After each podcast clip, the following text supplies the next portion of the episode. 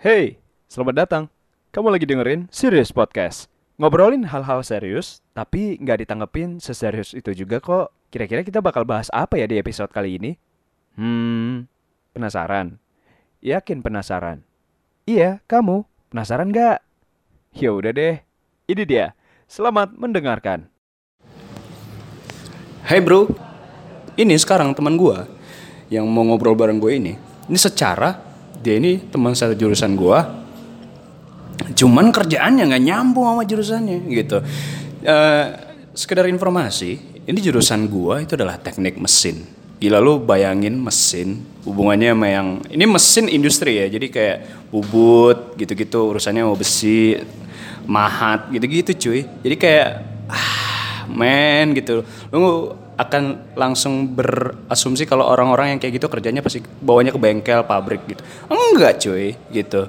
Lu lihat nih temen gue yang satu ini, ini kerjaannya kre- kreatif kreatif abis gitu ya temen mau gue bilang temen lama udah lama gak ketemu sih baru kali ini ketemu langsung gue ajak ngobrol gue santronin ke tempatnya kebetulan tempatnya asik banget ini kayaknya belum buka sih tapi bentar lagi di daerah-daerah Taplau dekat-dekat ya dekat-dekat Taplau cuy Seven Piston cuy namanya cuy. Seven Piston kapan sih mau buka Ji? Kapan sih? Nggak tahu sih ini kan punya abang-abangan gue cie, abang-abangan. Nah rencananya mau buka di bulan Maret ini. Insya Allah doain buat teman-teman yang dengerin podcast ini.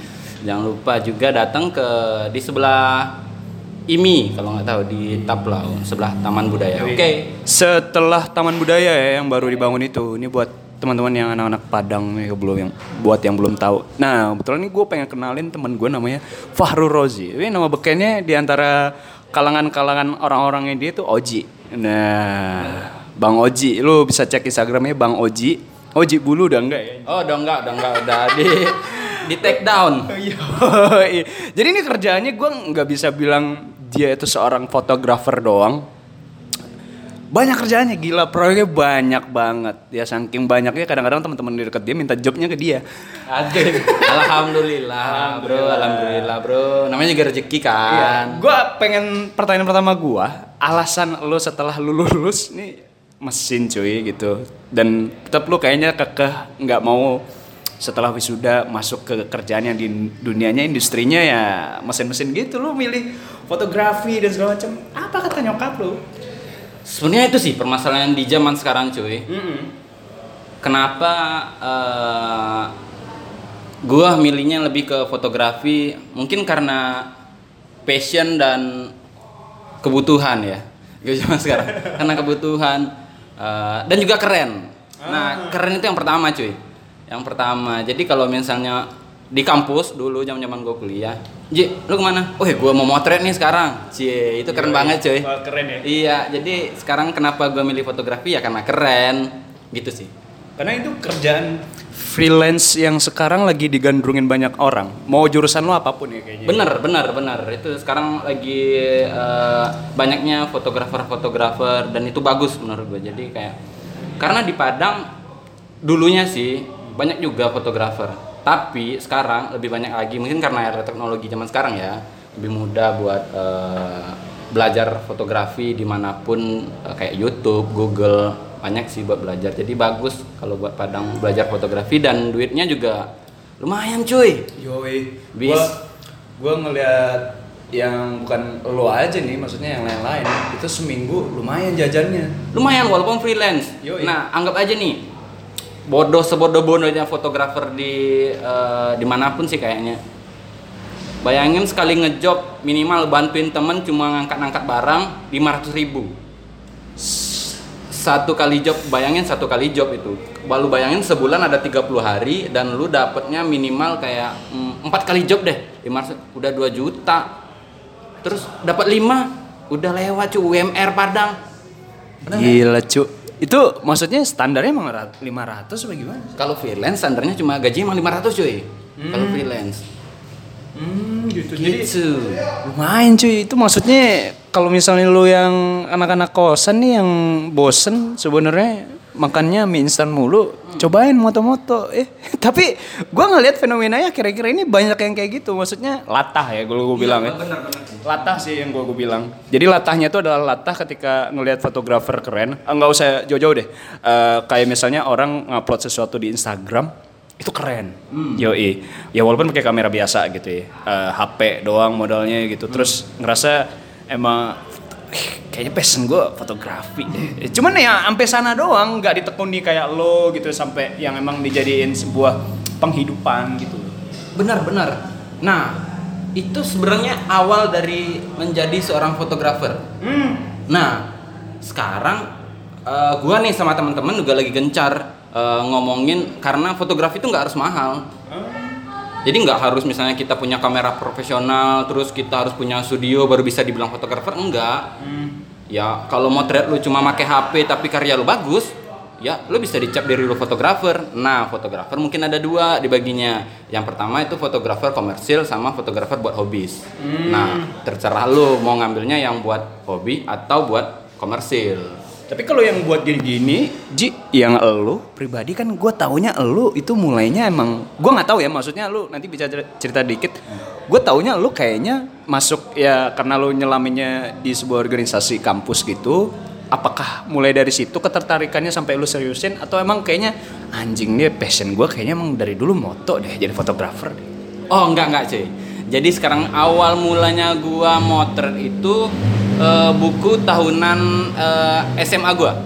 Gua sekolahnya di SMK Negeri 2 Palembang. Nah, jadi di akhir tahun tuh eh, anak-anak mau bikin buku tahunan. Nah, tahu sendiri kan anak STM nggak yo, mau yo. ngeluarin duit. Yo, yo, yo, nah, karena gua ngerasa mau ngebantuin teman-teman, gue coba buat deh Oh, Oke, It- it- itu, pribadi maksudnya nggak nggak nggak kayak sekarang maksudnya apa apa fotografer gitu gitu enggak, enggak, enggak. Jadi tuh kayak pribadi eh memang dari hati mau bantuin teman.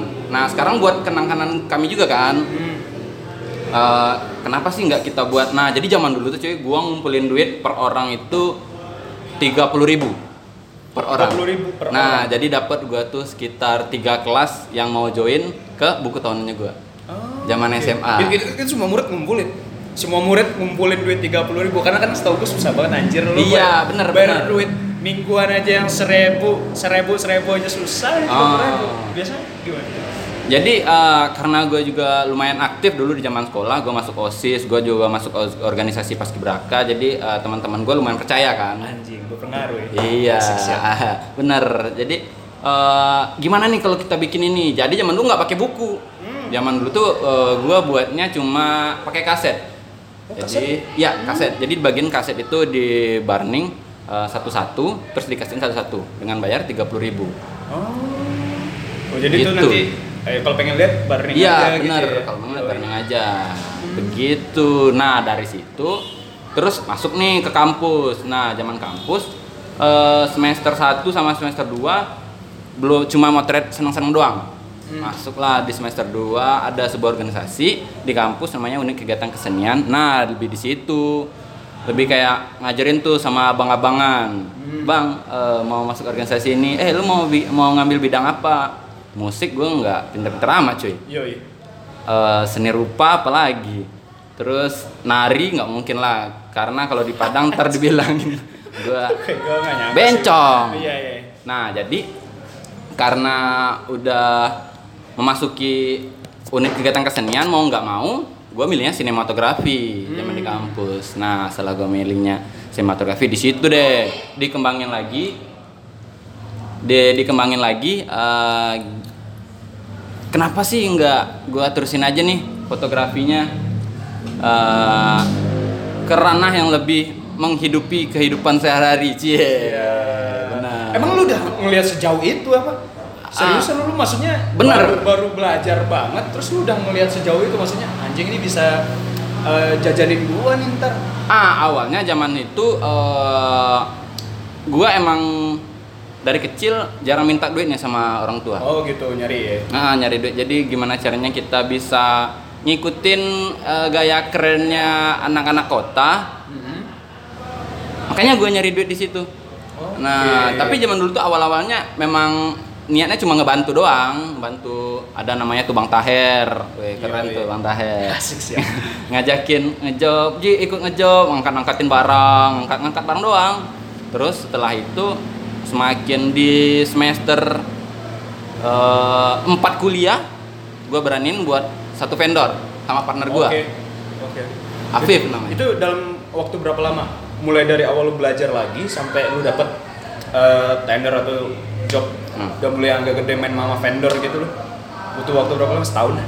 eh lama sih dari semester 1 ya dua tiga tahunan eh, dua tahunan lah Dua tahunan. ya, dari awal kuliah terus ya namanya gua kebutuhan eh, kehidupan sehari-hari itu besar kalau zaman kuliah sih Yoi.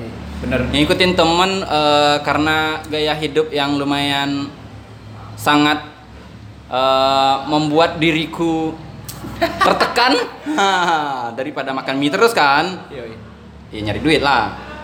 Berarti lu sempet kayak ngikutin gaya-gaya ala-ala orang-orang yang ya apa-apa kalau malam minggu ke kafe. bener bener. Sempat sempat Kayak gitu. ngikutin kayak gitu.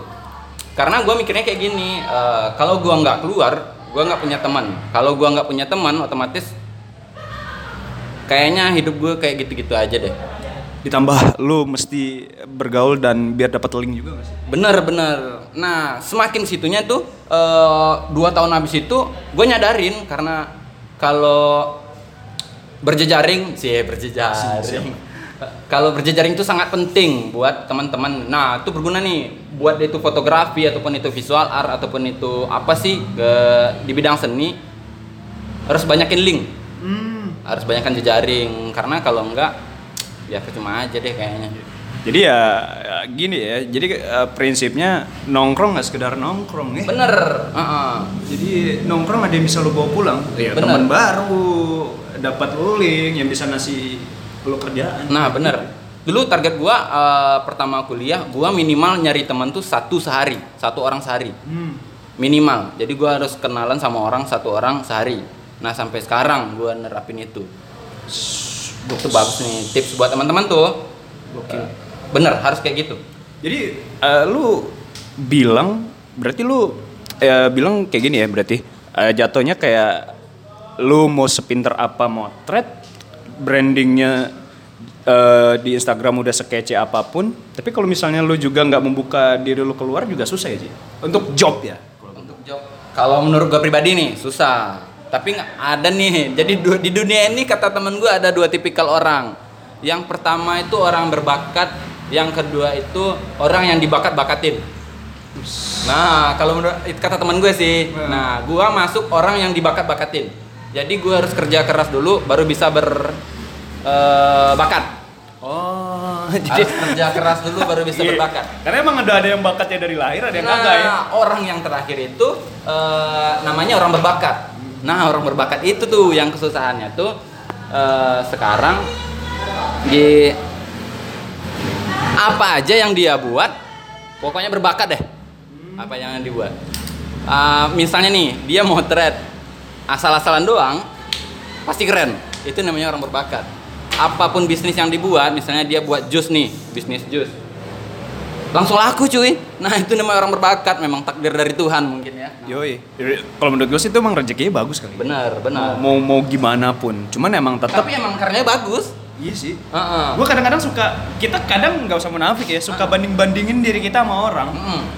anjir gue kayaknya harusnya lebih keren deh sebenarnya gue lebih keren dari dia cuman kenapa dia yang bisa ya gitu loh Hmm. bener gak sih lu, Bener. suka suka banding bandingin kayak gitu ya? Nah dari situ, nah dari prinsip teman gue yang bilang ada dua tipe jenis manusia di dunia ini, nah makanya gue harus kerja keras terus karena gue masuk ke tipikal orang yang nomor dua tadi, dibakat- yang harus ya. dibakat-bakatin harus berbakat, Iya iya iya. iya. baru berbakat, nah bukan harus berbakat, baru berbakat. Nah kita harus kerja keras dulu, baru sukses. Nah gue tipikal yang kayak gitu kayaknya. Sip. Tapi lu sejauh ini udah bisa bilang lu sukses? Eh belum karena kesuksesan menurut gua itu eh, Lu standar lu deh kalau dalam motret nih, lu bakal cap diri lu sukses, lu udah ngeklaim diri lu sukses kalau udah nyampe di fase apa? Atau lu kayak udah bisa motret ini, atau lu udah dapet job ini, atau apa pencapaian lu yang kayaknya, gue kayaknya ini udah sukses nih.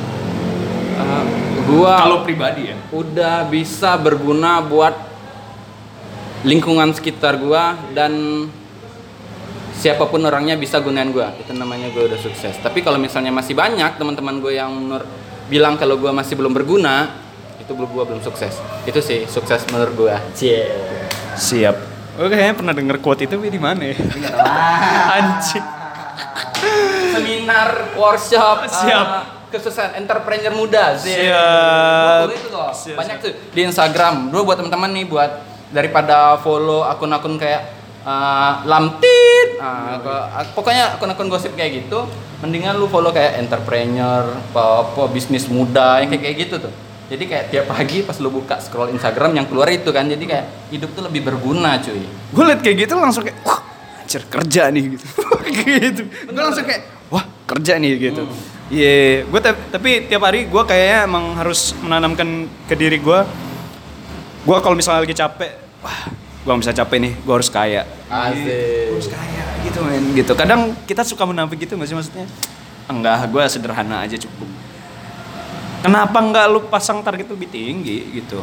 Lu mesti kaya. Gitu. Nah gini, uh, persepsinya kayak gini. biar biar maksud gua nggak harus emang realnya lu kaya beneran ya menurut gua itu kayak motivasi diri lu aja biar lu kayak nggak males Bukan, kalau menurut kayak gini, kehidupan tuh harus kaya cuy. Gaya hidup yang sederhana. cakep tapi dandanan lu enggak Enggak. barang lu branded anjing Enggak lah. ini kalau mau gua kasih tahu ya sekarang gua ngobrol sama dia aja baju gila distromannya nggak di kayak datengin dia sama dia di Padang baju sekarang lawless Jakarta coba Oh enggak apa-apa. Eh, murah loh. Tapi murah itu di kadar yang mana ya? Tapi kalau menurut gua kalau di segi baju nih, eh ngomongin lawless, segi baju lawless eh, termasuk yang berani naruh harga yang under, eh, Ya, di bawah. murah lah ibaratnya. Ah, Nggak lah terlalu mahal-mahal kayak lu bilang Supreme kayak apa sih? Yo, orang yang pakai Balenciaga. Gue nggak ngerti esensinya orang pakai super mie itu yang kerennya dari mana walaupun mahal banget ya maksudnya apa mahalnya apa gimana ya gue nggak ngerti dah Itu kayaknya gaya hidup deh cuy. gaya hidup doang ya? Gaya hidup. gaya hidup doang ya? Tapi kalau gue perhatiin ya emang ya rata-rata kalau fotografer lu bisa cek deh temen lu yang fotografer. Dandanannya emang harus stylish. Kalau gue lihat ya gue nggak tahu nih emang kalau ada dandanan fotografer maaf maaf kata yang gembel gitu gue nggak gue nggak pernah lihat yang kayak gitu. Ya minimal yang kayak lu deh. Maksudnya emang baju oke walaupun kaos tapi branded gitu. Celana usang-usang dikit. Tapi ya harga dia Oh, kar- karena- harga harga kalau diadu kayaknya oke gitu karena gue ngelihatnya outfit outfit dari anak-anak fotografer kayaknya pada oke oke emang gayanya begitu emang standarnya ngikutin kayak gitu gimana gila lu Oh, enggak cuy. Jadi kayak mungkin lo di lingkungan fotografer yang lumayan ngerti fashion. Tapi banyak kalau fotografer-fotografer yang eh gue nggak mau nyebutin itu kampungan atau gimana ya. Tapi kayak eh, mereka hidup di lingkungan yang eh, apa sih namanya tuh kayak boleh dibilang tidak terlalu mengikuti kehidupan fashion yang sebenarnya mungkin seperti itu sih Eh. bahasa halusnya jadi nggak boleh bilang kampungan ya Iya, iya, Iya, nggak boleh benar, bilang kampungan benar. benar Iya. kalau menurut gue pribadi eh, dari segi fashion bukan mereknya tapi kayak nyaman nggak sih lu pakai itu Hmm. gitu ya walaupun barang murah kayak kaos polosan yang cuma 45.000 ribu kalau lu nyaman ya keren-keren aja. Dan kalau lu pede ya keren-keren aja. Tapi kalau misalnya lu aja nggak pede mau lu make Gucci harga berapa juta terus tapi nggak masuk sama fashion lu tetap aja nggak keren cuy. Hmm. Tapi gue ngelihat kadang-kadang orang ya, kadang-kadang orang pengen gabung ke tongkrongan, cuman ngelihat outfit kadang-kadang. Jadi minder sendiri. Ah, gue nggak kayaknya nggak nggak bisa gabung nih sama orang yang kayak gini. Ini dananya mehong. Padahal nggak juga ya. Padahal padahal nggak juga ya. Maksudnya selalu ada orang yang welcome buat kalau lo tanya apa, mereka bakal jawab gitu. bener Lu tapi di awal-awal ketika misalnya masuk ke dunia yang kayak gini nih, kayak gini-gini nih, Ah. apa pressure terberat lu ngeliat orang wah gue kayaknya nggak bisa deh satu tongkrongan sama orang ini apanya yang lu lihat kalau gue gue pikirnya outfit ah Oh enggak enggak kalau gue pribadi nih gue tipikal atau- orang yang nggak pernah minderan oh gitu lu lu kecuali sama pacar. Set. Gue pernah nih curhat dikit coy. Ya. Gue pernah dapat pacar yang gue sadarnya udah beberapa bulan pacaran terus gue baru sadar kalau dia itu orang besar Nah, gua minder di situ. Jadi dia nggak jujur di awal pacaran. Terus di akhir pacaran, weh gila ternyata dia si itu coy gila. Nah, gua minder tuh. Itu setelah putus maksudnya? Eh, enggak. Pas udah empat bulan atau lima bulan pacaran deh kayaknya. Nah, gue minder tuh kalau kayak gitu. Tapi kalau misalnya tongkrongan nih, oh ya terserah. Kalau misalnya dia pakai mobil bagus, kalau dia pakai barang branded, kalau dia pakai, tapi gue nggak pernah minderan orangnya. Karena gue belum temu nih eh, orang yang memang kaya dari hasil dia sendiri. Mungkin kalau gue ketemu kayak Riko Huang tuh mungkin gue minder. Riko Huang, no gue terus banget deh sama Riko Huang. Tapi kalau misalnya masih sekitaran Padang, gue nggak pernah minder karena kebanyakan itu bukan dari hasil duit mereka, jadi ngapain minder. Yes. Kalau selevel gue ya, gue nggak tahu gue karena gue jarang temenan sama eh, pebisnis muda yang kaya memang karena duit mereka atau karya karena karya mereka. Gue belum ketemu tuh. Jadi ya ngapain minder. Hmm, oke. Nah, lo tadi bilang karya nih, ngomongin karya standar fotografer. Kalau dari bilang karyanya bagusnya kayak gimana fotonya sih? Gue gue gue suka kayak masih mikir-mikir gitu loh. Ini maksudnya kalau fotografer foto tuh apa yang dilihat sih gitu. gitu ya. Biar biar biar dibilang ah jadi ini yang selera fotografer banget nih gitu atau yang ini fotografer banget nih gue gitu. Oh. Uh, karena gue tidak ter- uh, belum terlalu pro- uh, belum terlalu ah kalau menurut gue pribadi sih gue mah anak kemarin sore masih banyak sih yang hebat-hebat uh, dari gue kalau di kota Padang dan di kota mana pun. Pokoknya gue masih level yang medium ke bawah deh. Tapi kalau menurut gue pribadi foto yang bagus itu kayak gimana? Seluruh foto dan karya seni itu bagus semua cuy dan punya pasarnya sendiri. Jadi apa pun karya lo, maupun itu bagus atau enggak, yang penting karya itu bagus dulu menurut lo sendiri. Walaupun orang cuman moto-moto senja yang itu udah pasang. Iya nggak apa-apa, tapi tetap ada pasarnya. Dan lo harus konsisten sama karya lo. Itu sih menurut gua. Kalau misalnya bagus, itu mah relatif tergantung orang yang ngeliat. Misalnya foto nih, anggap nih, oh, foto lu eh, landscape contohnya, foto pemandangan. Terus ya belum tentu lah orang-orang fotografer uh, fashion atau fotografer potret uh, beauty gitu bilangnya karya lu bagus nih. Karena mereka kadang-kadang nggak ngerti kan. Nah tapi uh, tergantung lu larinya ke mana. Kalau misalnya uh, lu mau mau uh, jadi fotografer uh, fashion atau beauty portrait ah beauty portrait eh, lu kerjanya sama perusahaan. Nah, mau nggak mau lu harus ngikutin gaya perusahaan kalau lu yang hire perusahaan. Tapi kalau perusahaan yang hire lu karena memang idealis foto lu, ya terserah lu mau karya kayak gimana. Tapi kebanyakan kalau misalnya komersil eh, setahu gue ya, eh, kayak di Jakarta lu mau motret eh, artis nih. Itu memang udah banyak vendor-vendor yang tergabung kayak buat foto iklan itu udah banyak vendor-vendor yang tergabung. Jadi jarang eh sepengetahuan gue ya jarang yang bisa ngelihat ini nih karena idealis foto lu kecuali lu udah terkenal memang udah lama udah sekitar 20 tahunan motret. Jadi orang udah tahu kan sama lu. Jadi mungkin aja jadi eh, orang itu milih lu karena karya idealis lu. Tapi kalau misalnya lu baru-baru ya pasti deh. Eh bukan pasti sih. Mungkin Nah. ngikutin maunya vendor dulu. Karena vendor itu datang ke lu udah ngasih skrip gua maunya foto yang kayak kayak gini. Nggak bisa kayak kecuali eh, perusahaan mintanya Ji gua maunya foto eh, terserah lu deh lu yang konsep semua nah bisa mungkin tapi kebanyakan memang udah ada kami mau fotonya yang glamor harus kelihatan eh, bajunya berarti ujung-ujungnya selera ya. bener bener kayak gitu sih kalau gue Ujung-ujungnya selera. Dan yang gue tahu, hobi fotografi itu adalah hobi yang mahal.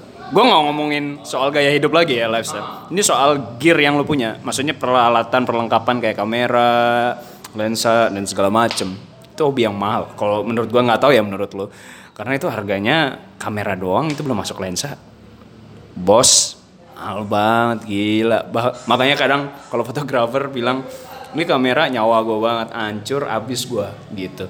Eh, lu secara awal-awal mulai kamera lu berapa duit? Budget lu waktu itu? Nah ini menarik nih, gue ceritain dikit ya. Eh, proses sih menurut gue, karena gue berproses ya dari awal gue motret, gue nggak punya kamera. Waktu gue ceritain tadi gue pernah motret buku tahunan SMK gue, gue minjem kamera orang buat motret sampai kuliah. Terus eh, pas terus oh iya abang gue tuh kuliah di UTM Malaysia. Hmm. Nah dia hobi foto. Oke. Buat megang kamera itu doang, gue nggak pernah dibolehin cuy. Iya, gua, gua, gua juga kayak gitu. Ah. Maksudnya kalau lu pasti minjem kamera sama teman-teman lu, susah banget. Bener, jadi dibilangin mahal kayak gitu kan. Nah, da- berawal dari situ, eh, gua nyolong-nyolong nih ngambil kamera abang gua minjem, coba deh motret-motret kayak gitu. Terus sampailah ke kampus kan. Di kampus semester 1 semester gua, gue juga masih minjem-minjem kamera orang. Minjem kamera orang. Sampai ada di semester 4 kuliah, eh, ada orang yang bilang kayak gini. Oji itu fotonya bagus-bagus karena minjem kamera kamera orang bukan karena kamera dia sendiri. Nah dari situ tuh eh, itu sebuah trigger kalau menurut gua.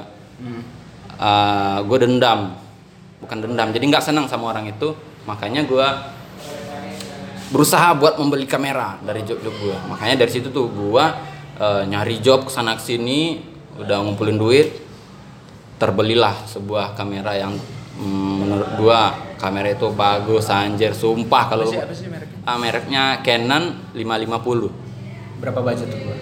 gua belinya zaman itu 5 jutaan 5 juta. 5 jutaan di zaman itu 550 pokoknya bisa deh buat foto bagus buat video bagus pokoknya kamera yang paling ah, dicari deh sampai sekarang juga kalau buat video masih dicari Itu kamera masih ada? udah gua jual Udah lu Gua jual? upgrade. nah ah. 5 juta. Itu belum yang lain ya? Ah belum belum belum itu masih body doang. Body doang ya? Body doang. Gua belinya zaman itu masih body doang, belum dapat lensa dan sama-sama yang lain. Hmm, Gitu. Emang secara body doang 5 juta. Ah, ah. Mungkin yang buat yang belum tahu kalau misalnya lu beli kamera itu emang eh, rata-rata emang emang body doang ya dia. Maksudnya emang belum termasuk lensa dan segala macam ya? Atau Ah. ada yang emang udah include sama itu? Udah udah ada. Jadi kalau misalnya lu beli kamera baru banyak sih ada yang kasih ke biasanya dikasih cuma eh, orang-orang sering ngomong tuh eh, lensa standar. Tuh lensa kit. Nah, 1855 kalau nggak salah vokalnya kayak gitu. Kalau gua mau beli kamera. Terus setelah gua beli kamera 550D itu eh, Canon terus makin proses proses beli satu-satu dapat job oh beli ini dapat job beli ini dapat ini. Nah alhamdulillah sekarang terkumpul lah beberapa kamera yang udah dibilang alhamdulillah dapat Canon yang satu digit. Nah, kayak kayak Oh. Gitu terus my ada ada Sony yang satu digit juga alhamdulillah. Ber- berapa yang punya sekarang kamera lu? sekarang gua punya kamera tuh tiga. Tiga. tiga. Yang pertama? Nikon. Eh, 3100 deh kalau nggak salah Itu berapa duit? Eh, gila, 3100 berapa sih sekarang? Kalau zaman dulu tuh Kalau masih zaman lu belinya berapa? ya? 5 jutaan sampai 5 sampai 6 7 jutaan lah kalau. Gila itu yang di bawah itu emang? Harga secara harga ya maksudnya. Harga banyak sih ada kamera yang di bawah-bawah itu Tapi tapi kualitas lumayan. lumayan ya. Lumayan. Belum Nikon. dibilang bagus enggak juga. Enggak, karena itu eh, jadi kalau di kamera anak-anaknya sering bilang itu kamera yang masih standar lah. Ah. Standar. Yang lu beli itu? Iya, standar. Oke, Nah, oke. Terus eh, gua punya 6D. Hmm, 6D sekarang berapa ya? Gua beli barunya kemarin 19 body doang. 19 juta body doang. Ya, body doang. Ya Allah. Terus sama eh, berserta lensa-lensanya. Terus eh, habis itu gua punya A7 Mark II, A7R Mark II. Apa ya? Berapa sih sekarang? Dua, dua Yang waktu nggak lu beli berapa? nggak ingat itu soalnya dapat diskon abang gua jadi kayak ngasih ada sekitar 25 atau 28 atau 30 jutaan lah Nauzubillah. nggak tahu sih nggak tahu sih harganya coba cek sendiri deh buat teman-teman kalau yang tahu komen eh bisa komen nggak sih podcast Eh, boleh ke DM gua. kayak gitu Tiga, berarti kalau total total berapa itu? Lima, lima puluh hampir ya? Gila, 50 hampir ya. Itu belum masuk lensa loh itu juga ya. Hmm, Ada ya, belum belum belum termasuk lensa juga. belum belum belum termasuk lensa Lensa standar berapa ya? Eh, tergantung, tergantung. Lu mau, yang karakternya kayak gimana? Kalau misalnya. Kalau yang lu punya yang paling mahal berapa? ya? Berapa ya? Eh, sem- 19 juta kalau nggak salah. Serius lu semuanya tuh? 19. juta aja? Iya, 19 juta aja? Sigma, Sigma kalau nggak salah. Sigma R. 19 1,4. Lupa gua vokalnya berapa? Lensa. lensa doang gitu ya. Iya, lensa doang. Gila. Eh, 1,4. Buat full frame. Lupa gua vokalnya berapa. Itu tuh lu beli kamera itu jaraknya deketan atau emang kayak Enggak lah, proses Nunggu- semua proses dulu ya. Nunggu proses Kayak, dulu semua. Ya hampir hampir setahunan gitu Mm-mm. nunggu. Oh, enggak. Ah, kalau dari Nikon itu 3100 nggak. Nikon- dari Nikon eh, Nikon tuh memang udah ada dari dulu. Jadi gue dapat ah, murah gitu kan. Jadi gue beli aja. Terus 6D eh, sebelumnya gue punya 60D, gue jual tukar tambah sama 6D. Jaraknya sekitar 2 tahunan. Ah. Dari na- jadi gue belinya 60D, habis 60D langsung ke 6D. Oh gitu. Dan itu jaraknya agak dua tahun. Dua- tapi dua tahunan. Tapi dari dari budget yang lo keluarin buat beli gituan, gua akhirnya percaya kalau lu jobnya banyak. Gak mungkin. Maksudnya lu secara Oh enggak, gua tipikal manusia yang kalau diibaratkan tuh kayak mm, pukat harimau. Jadi buat teman-teman yang tahu, kalau di kampung saya orang Padang tuh bilangnya kayak puket harimau. Jadi kayak seluruh mau kan nggak boleh tuh pukat harimau di Indonesia. Jadi kayak sampah masuk. Jadi kayak semuanya di semuanya di, hajar ya? dihajar ya tergantung ntar kalau udah di nyampe di tep- eh, tepian sungai atau eh, tepian pantai Iya. tinggal lu milih mau job yang besar atau job yang, yang itu kayak gitu sih kalau gue Tapi tapi secara lu udah yang termasuk Ya kalau gue bilang sih dia udah profesional ya sejauh ini gitu yang kalau gue lihat OJ ya. Lu masih punya standar untuk ngambil job gitu? Atau lo mungkin gua bahasanya dalam tanda kutip masih milih-milih job kalau lu pribadi. Eh, Untuk motret ya. untuk motret kalau misalnya komersil eh, gua milih-milih job kalau buat sekarang. Apa kriteria yang sampai lu bilang lu milih-milih job? Eh, yang pertama tuh kayak eh, kliennya nggak ngeribet. Kalau nggak ribet Emang ribet itu gimana sih maksudnya? Banyak sih komplain klien- gitu ya? klien yang ribet. revisi revisi revisi gitu ya kalau Eh, misalnya video ya. Oh, bukan. Jadi kayak mereka tuh eh, maunya yang kayak gini, mau yang kayak gini. Nah, gua nggak seneng tuh klien yang kayak gitu. Ah, Kalau dulu gue terima karena memang butuh duit. banyak nuntut. gitu Iya, ya. ha-ha. tapi sekarang gua lebih ada nggak sih feedbacknya buat gua kalau gua ngambil klien itu? Gue mikirnya ke sana sekarang. Kadang-kadang gua bisa kasih gratis kalau misalnya selebgram tuh, artis kayak gitu. Kadang gua mau gratis karena feedbacknya besar kan buat kita. Ah. Nah, yang kayak gitu sih dari situ. Kalau milih klien, Hmm. kayak gitu cuy. tapi kalau ya baru-baru mulai ya mau nggak mau ya maksudnya emang harus ya semuanya diambil deh gitu Iya, kalau mau nggak mau. Nah, sekarang juga lagi proses uh, branding nih. Jadi kayak lu terkenalnya gara-gara apa? Karena gue dari kampung kan, gue dari pesisir selatan nama daerahnya di Sumatera Barat. Gue tinggal di kampung banget cuy. Hmm. Sampai-sampai mall aja nggak ada di tempat gue. Kampung deh. Minimarket kagak ada. Em, ada minimarket ada. Itu tuh lumayan. Eh, itu lumayan. tapi eh, kearifan lokalnya kayak pantainya bagus-bagus semua pesisir selatan gitu.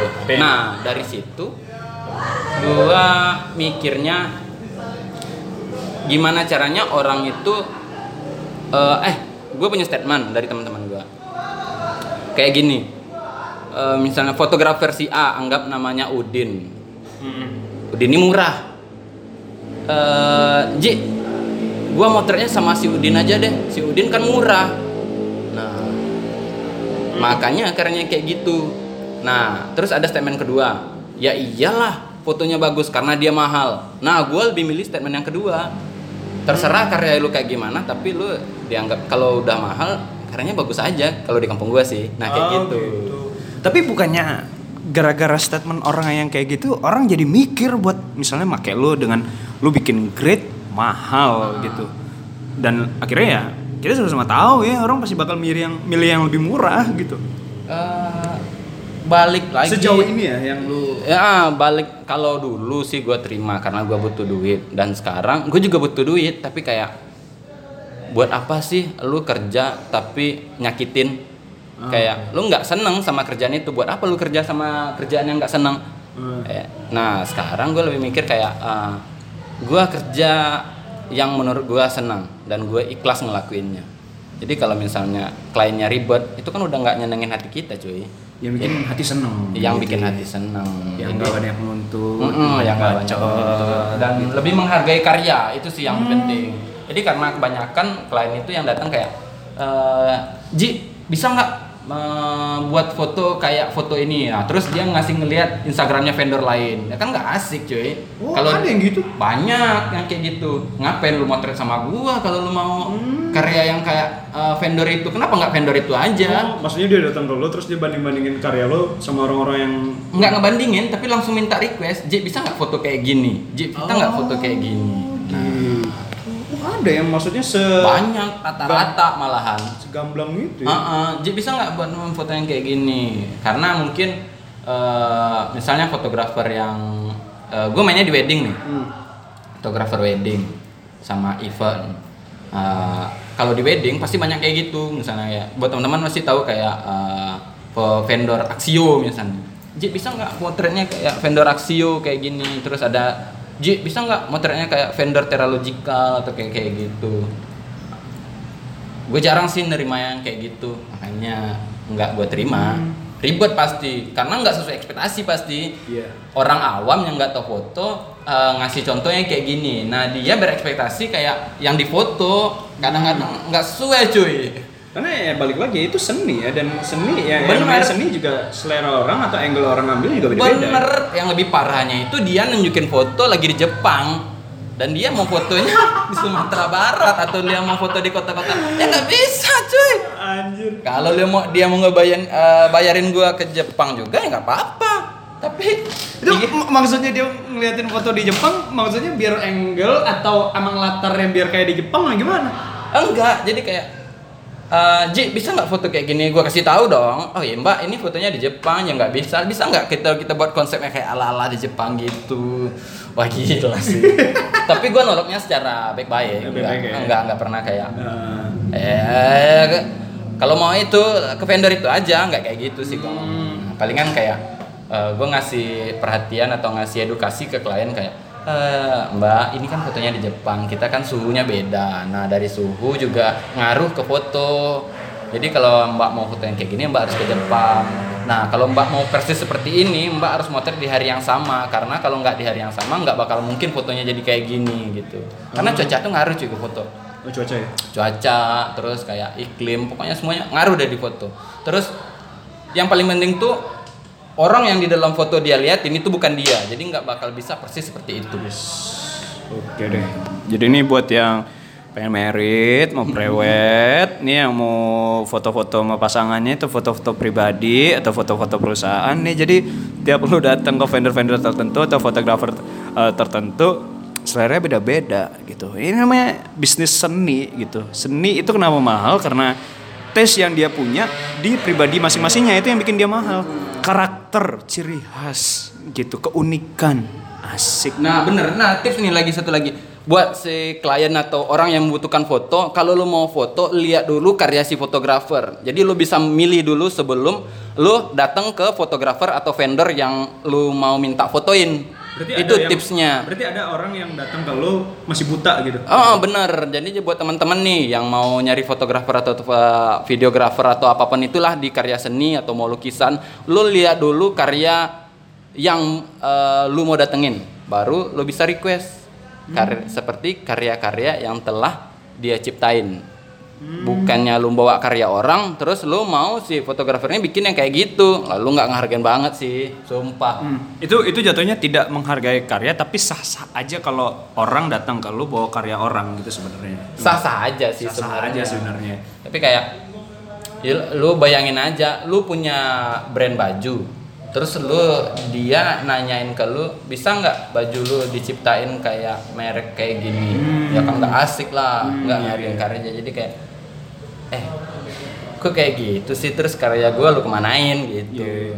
Idealisme lu bermain di situ. Eh, Maksudnya iya, bisa bisa gue jadi ah, kayak nggak banget deh ah gitu ya. Heeh, kalau klien yang kayak gitu Tapi gue eh baru ya, karena lu mainnya juga di wedding, terus juga gue ngamatin beberapa orang akhir-akhir ini. Emang kayak udah lifestyle sih kalau gue lihat.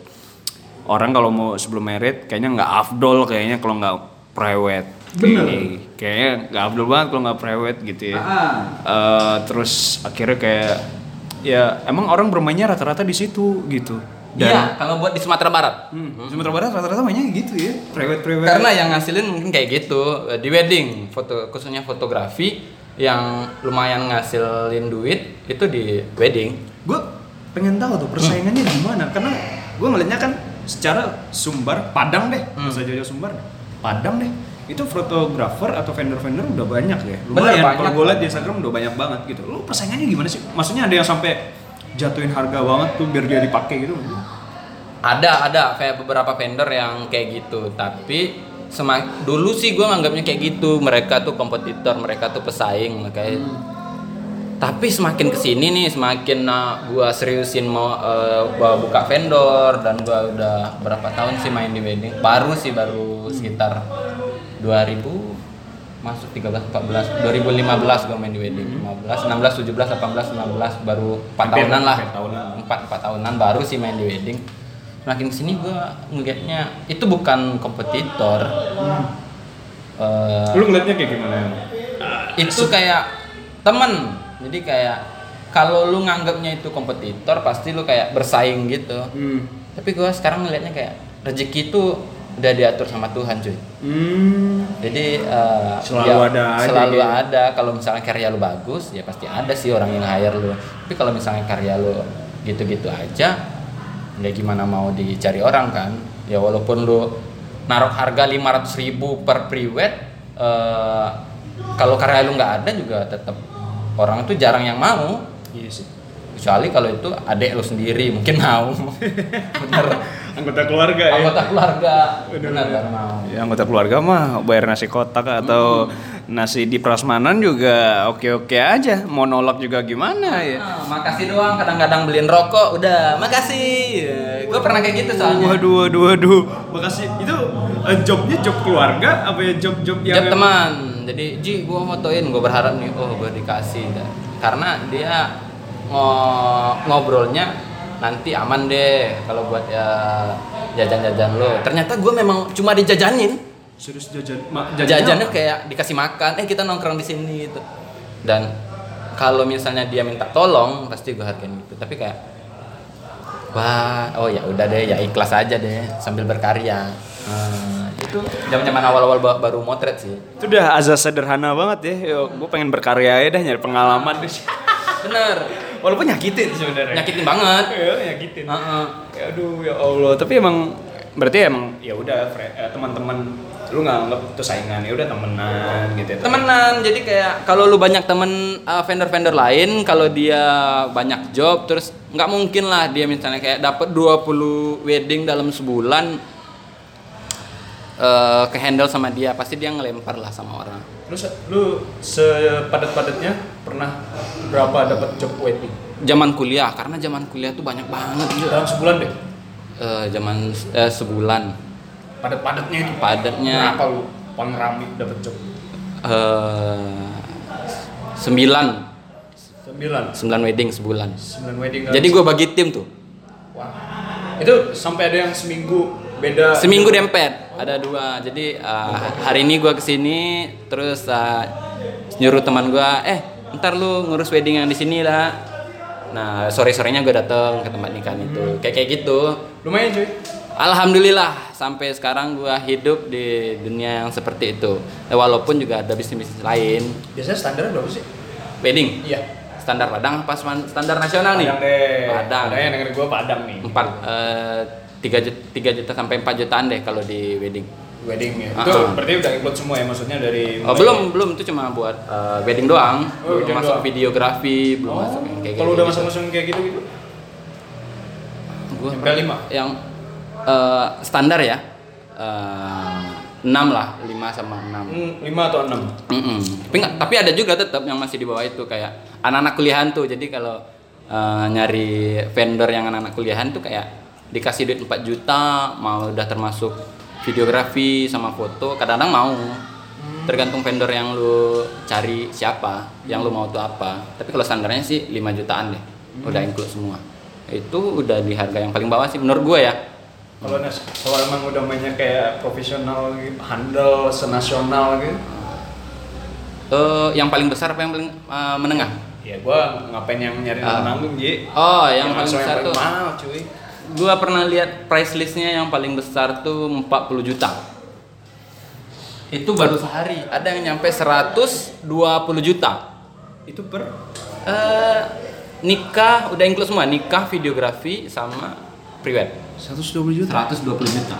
Gila. Ada tuh tapi gua nggak mau dia ngomongin. Gila gua emang harus jadi orang kaya nih biar gua nikah gua.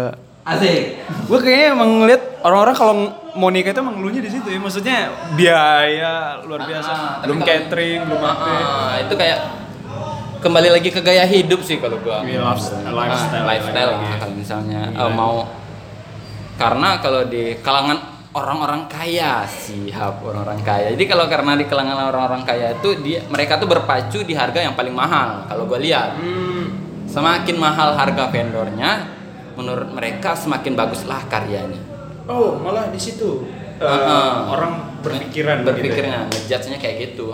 Semakin mahal berarti karyanya semakin bagus. ya. Oh, berarti kayak yang gue bilang tadi orang bakal ah, gue ambil yang murah aja. Malah jarang ya kayak gitu. Iya, statementnya kayak gitu, jarang yang lihat karya. Kecuali kalau memang dia eh, hidup di lingkungan seni, memang Ah. tahu. Jadi kayak mereka tuh eh, bayar 120 juta memang karena seni. Ah. Tapi itu di beberapa orang sih. Kebanyakan ya kalau misalnya orang-orang kaya semakin mahal, jadi kayak bisa nih ngobrol sama teman-temannya lagi nongkrong, eh lu kemarin private berapa harganya? ah ah, murah 120 jutaan cuma je kayak kayak gitu ngobrol-ngobrol di tongkrongan Gila gue nggak terima tuh kalau misalnya ada orang ngomong kayak gitu, gue langsung jantungan nggak jadi merit gue kayak gitu. tapi tapi asosiasi ini eh, sebenarnya kalau emang dalam tanda kutip ditekuni ya lagi-lagi ditekunin sih. Kalau misalnya lo emang passion lo di situ, hobi lo di situ, nggak usah ngomongin passion deh gitu. Karena ini Oji gue tau banget dia tuh mulai dari yang ya gue bilang gue sejurusan sama dia. Gue mesin jurusan jurusan mesin dan gak ada hubungannya fotografer sama sekali. Dan dia emang belajar dari awal dan malah dia bikin statement bakat-bakatin. Nah jadi kayak semua hal itu bisa dipelajarin. Bener tapi yang penting itu lo tekunin apa enggak sih sebenarnya? Bener sekali Sigit Keswantoro seperti itu. Eh, seperti itulah. Wah gila sih. Tapi gua selalu pengen tahu kalau kalau kalau tapi lu kalau sekarang mainnya nggak di fotografi doang ya? Eh, enggak. Sekarang gue ada bisnis kecil-kecilan sama teman gue itu di eh, minuman namanya Doju. Dokter Jus buat teman-teman yang di Palembang boleh datang eh, di Dokter Jus di daerah Kertapati di Palembang. Itu punya gue sama teman. Dan lagi eh, mau jadiin itu franchise. Jadi kalau mau kerjasama juga bisa mau diriin eh, jus juga. Terus eh, sekarang gue juga main di event. Mau jadi buat teman-teman komunitas yang mau bikin event dan nggak tahu mau dibantu gue bisa bantuin jadi yang jelas kontennya jelas terus eh, tujuannya jelas insya Allah gue mau bantuin nyari dana ke mana ke mana ke mana. Siap. Eh langsung lu follow nih bang Oji. Eh bang Oji lu search aja di situ. Kalau lo yang pengen motret kalau lo yang pengen dm dman ya. Hmm, bisa deh tanya-tanya. Yang gue jomblo. Ah. yes. Ada kemungkinan kalau yang dm cewek tuh disepik. Karena gue nyari cewek yang penting nyaman. Asik. Nyaman banget. Nyaman deh ya yang penting nyaman. Terus yang paling penting cewek nomor satu tuh cewek yang kedua nyaman. Asik siap. Yang lain terserah. Ya terserah. Ya, orang asal banget. Ah, lu mau jerawatan tapi lu tetap mau deket sama gua ya nggak apa-apa. Sama dunia lo juga ya. bener mau ngertiin lu dengan dunia lu. Bener itu sih yang paling penting karena nyaman tuh nomor satu cuy. Tapi bokap nyokap lu apa kabar nih? Hmm. apa kabar ngelihat profesi lu yang kayak gini dengan lu yang sudah sarjana teknik mesin pendidikan lagi? Lu asal lu tahu ini pendidikan. Iya.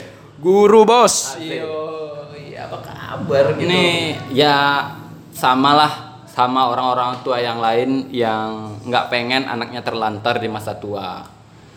Gue juga mikir sih sekarang eh, masih galau mau tetap ini nih eh, nerusin ini. Eh kalau foto gue tetap bakal nerusin sampai tua.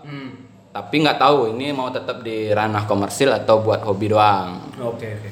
kalau buat foto. Tapi gue tetap mau nyari kerjaan yang tetap. Tetap Harus gitu. harus karena nggak tahu sih gue pribadi eh, kalau ngobrolnya sama yang udah profesional di Jakarta atau teman-teman yang itu memang tekad dan keyakinannya udah kuat di fotografi pasti gue dikecengin. Eh, tapi karena gue pribadi kayak gue mau orang gue orangnya realistis cuy. Oh, Oke. jadi kayak di umur dua eh, umur 40-an atau 45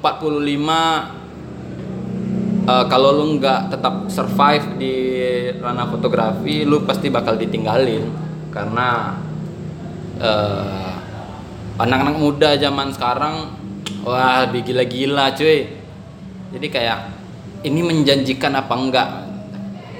Gua masih ragu sih, masih ragu. Tapi Tapi, kalau buat sekarang eh, duitnya nggak bakal bikin lo nyesel Ya. kalau sekarang tapi nggak tahu karena gue punya ketakutan tersendiri di keluarga gue nggak ada yang kayak gue cuy Oh gitu. Responnya gimana ketika lo udah sarjana? sampai terus- sekarang gue tetap dimarahin Oh masih. masih tetap dimarahin Ma- walaupun gue nggak minta duit mulai dari zaman kuliah gue nggak minta duit tapi tetap gue dimarahin lo mau jadi apa nak lo mau motret-motret terus sampai tua Hmm. terus bokap gue tuh kan eh, preman pasar boleh dibilang Hmm.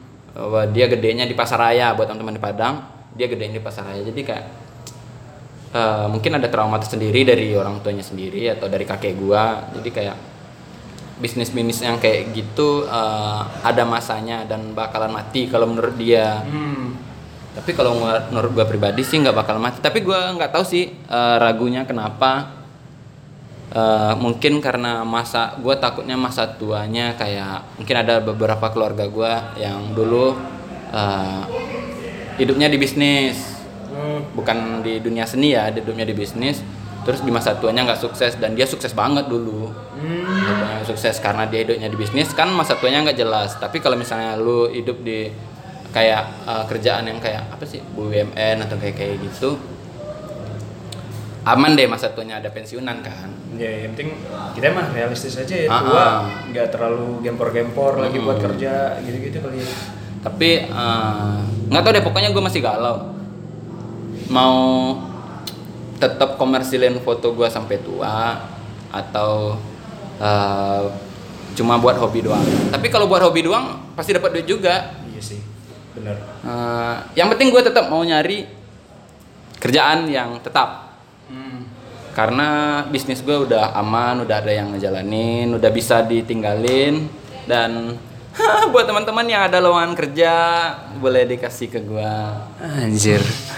gua datang ke sini ngobrol buat orang yang emang udah kerjaannya secara dari hobi yang emang udah keren, penghasilannya boleh dibilang oke gitu. Enggak sih, kalau ya tetap aja obrolannya gaya-gaya pengangguran. enggak enggak cuy jadi kayak eh, mungkin gue belum dapat pasangan hidup yang pas Oh, yang bisa nuntut ah, kayak- karena seluruh mertua itu kayaknya ngelihat titel lo kerjanya di mana itu budaya ketimuran, cuy. iya tapi kayak Budaya ketimuran banget maksudnya. ah gue masih cinta sama seseorang kayaknya gue harus dapetin dia dan harus kerja dulu yang bagus terserah kalau udah dapetin dia ya terserah lah baru bisa gue kerjain yang Berarti terserah dari emang dia timingnya, timingnya lu harus punya pacar nih kalau gue lihat. Harus punya pacar, harus ada yang nuntut lu. Ya setidaknya bukan pacar lu yang Bener. nuntut lu, tapi emang calon mertua lu nanti yang bakal nuntut lu. Ah, gitu. ah, karena gue belum dapat pasangan hidup yang pas Asik. Tetap obrol jomblo. Yoi. Tapi terakhir-terakhir gue pengen tahu nih kalau yang orang-orang yang ah gue kayaknya emang passionnya di motret deh setelah dengerin Bang Oji gue jadi kayak tergugah untuk gue harus tekunin hobi ini passion gue di foto walau walaupun walaupun fotonya cuman senja-senjaan doang fotonya cuman ya eh, burung-burungan doang ya, tapi ini kayaknya passion yang menghasilkan Gak apa-apa, jadi buat teman-teman yang mau nyoba fotografi nggak tahu dapat duitnya dari mana, pokoknya jalin aja dulu cuy.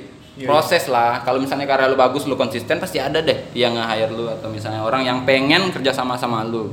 Pastilah namanya dunia Walaupun seni. modalnya kamera HP doang. Iya bener. Kamera HP doang. Banyak sih teman-teman gue yang eh, dari HP doang. Terus dia mau dapat job nih. Dapat job kecil-kecilan ngumpulin duit terus dapat kamera profesional deh. Kayak gitu. Jadi jalanin aja dulu. Ya ngapain ragu-ragu coba walaupun ya eh, belum ada yang mengakui foto-foto lu dalam tanda kutip bagus gitu. Tapi setidaknya lu bangga aja gitu sama karya. bener yang penting konsisten deh walaupun gue juga masih belum bisa kon sekonsisten teman-teman gue yang lain tapi konsepnya pasti konsisten apa pun itu lo mau kerja di bidang apa bisnis apa yang penting kalau lo konsisten lo ngeliat sih nggak sih kayak ada fenomena yang dia cuma foto selfie doang tapi kayak mukanya kayak gitu terus pasti Oh, oh iya bener, oh iya bener. Oh jangankan itu cuy, Konsisten. yang yang gue sampai sekarang ngeliat fenomena Instagram tuh makin aneh-aneh yang sampai foto telur doang itu sampai jutaan yang nge-like. iya banget banget anjing Itu apa yang dirasakan oleh fotografer melihat foto telur doang itu sampai jutaan likes. Ah. Apaan sih ini gue? Gak penting. bener bener konsisten deh tapi kalau itu sih kayak itu di endorse kayaknya foto telur. Itu tuh kayak ada produk HP deh kayaknya yang ngeluarin telur. Oh gitu. kayaknya sih tapi nggak tahu. Gue baru tahu. Ah, kalau yang emang kayak gitu. fenomena foto telur itu kayak di endorse terus atau mungkin karena semuanya bermula dari nol. J filosofi. Eh, karena semua bulan nol jadi banyak yang nge-like telur. Terus nggak tahu sih eh, gua sempat nge-like foto telur itu karena eh, fotografer influence gua eh, ngeposting itu dan juga gua ikut ngeposting gara-gara itu gua nggak tahu sih sebenarnya itu foto telur buat buat apain mau buat apa nggak tahu Gila emang fenomena media sosial zaman sekarang nggak gua mengerti sih. Tapi by the way, kalau misalnya orang pengen belajar, pasti otodidak bisa dong. Kayak sekarang zaman sekarang gila lu lu tinggal tutorial di YouTube gitu-gitu. bener gua otodidak cuy nggak ada yang ngajarin gua Otodidak ya sebenarnya ya. Jadi lu bisa belajar di mana aja, kayak di YouTube bisa ngajarin lu atau misalnya kalau ada kadang kan gue suka ngeliat tuh kalau misalnya di, di daerah Pantai Padang nih, lu ada yang suka motret-motret, gabung nggak masalah nggak Ya nggak apa-apa. Yang penting lu pede aja cuy. Mau kenalan sama fotografer-fotografer lain. Karena dulu gue sempet bilang kayak, wih fotografer ini pasti sombong, fotografer ini pasti enggak cuy. Nah, nah, bener. Nah, enggak cuy. Eh, kadang-kadang lu harus tricky buat deketin orang. Hmm. Karena ya mau nggak kalau lu nggak tahu siapa orangnya, gimana lu mau ngecap sombong? Kecuali kalau lu eh, udah deketin dan udah itu terus tapi dia nggak mau nanggepin omongan lu, mungkin salahnya di lu sih, bukan di fotografernya. Yes. Nggak bisa kita ngejudge orang. eh, eh orang ini kayak gini sebelum kita tahu siapa orang sebenarnya. Kadang ka- seperti kayak eh, siapa sih yang dibenci orang banyak? Eh, Aukarin, yang Lex itu dibenci mungkin Atau Halilintar. Heeh. Ya, siap. Anjing. Nggak bisa kita ngejudge kayak gitu, cuy. Kalau menurut gue pribadi ya. Iya sih. Kadang eh, settingan hidup mereka, tapi eh, kehidupan sehari-harinya nggak kayak gitu kan. Kayak yang Lex itu diciptain loh karakternya. Iya. Kadang gue juga nilai mereka hidup atau dapat duitnya dari drama-drama yang mereka ciptain gitu. Bener. Jadi eh, tergantung lu aja nyingkapinnya itu smart apa enggak. Gila smart people. Gila. Deddy Kobuzer banget nggak tuh? Asik. Siap, siap, siap, siap. Jadi lu bisa belajar kapan aja di mana aja dan orang juga kalau misalnya lu pribadi kadang kalau misalnya gua tanya soal bagi-bagi ilmu fotografi nih ya ini pengalaman gua dia mau bagi welcome gitu jadi ya emang bener sih kata Uji tergantung lu lu mesti tricky juga sih. Lu mesti kayak harus belajar orangnya kayak gimana. Ya jangan ketika lu deketin orangnya terus langsung bang bang, bang ngajarin gua foto. Ya nggak bisa gitu juga dong neng. Nggak bisa. Ntar yang malah yang ada malah orangnya jadi ilfil kan sama lu. bukan mau gue bilang harus so asik juga enggak ya pinter-pinter lu gimana cara ngedeketin orang. Kayak gimana lu kenalan sama orang baru ya kenalan dulu ngobrol dulu panjang lebar dan kasih tahu passion lu emang di bidang fotografi. Baru deh niat lu lu emang pengen belajar gitu Eh, bener banget cuy. yo eh so thank you gila nih interview paling goks tempat tempatnya juga enak Eh gitu. dasar lu radio bisa banget. Gue gue saranin banget sih lo ke sini gitu walaupun tempatnya belum buka masih masih aur-auran gitu cuman ya ini secara tempat bagus banget viewnya langsung ngeliat pantai jadi emang enak cuy jadi kalau la- emang hobi-hobi fotografi silakan ke kafe apa Eh, Seven Piston. Seven Piston. Ah, ah. jadi buat teman-teman yang mau ngopi-ngopi cantik, asik, mau kopi-kopian bareng senja, jela. Anak indie banget. Uh, bisa banget cuy ke sini. Terus eh, pokoknya tempatnya beda banget deh dari di sini juga banyak anak fotografer ya jadi kayak Eh benar bisa saya saling sharing Yoi. tentang fotografi juga banyak anak musik yang nongkrong di sini terus eh, dunia-dunia perotomotifan siap bisa juga nongkrong di sini ya?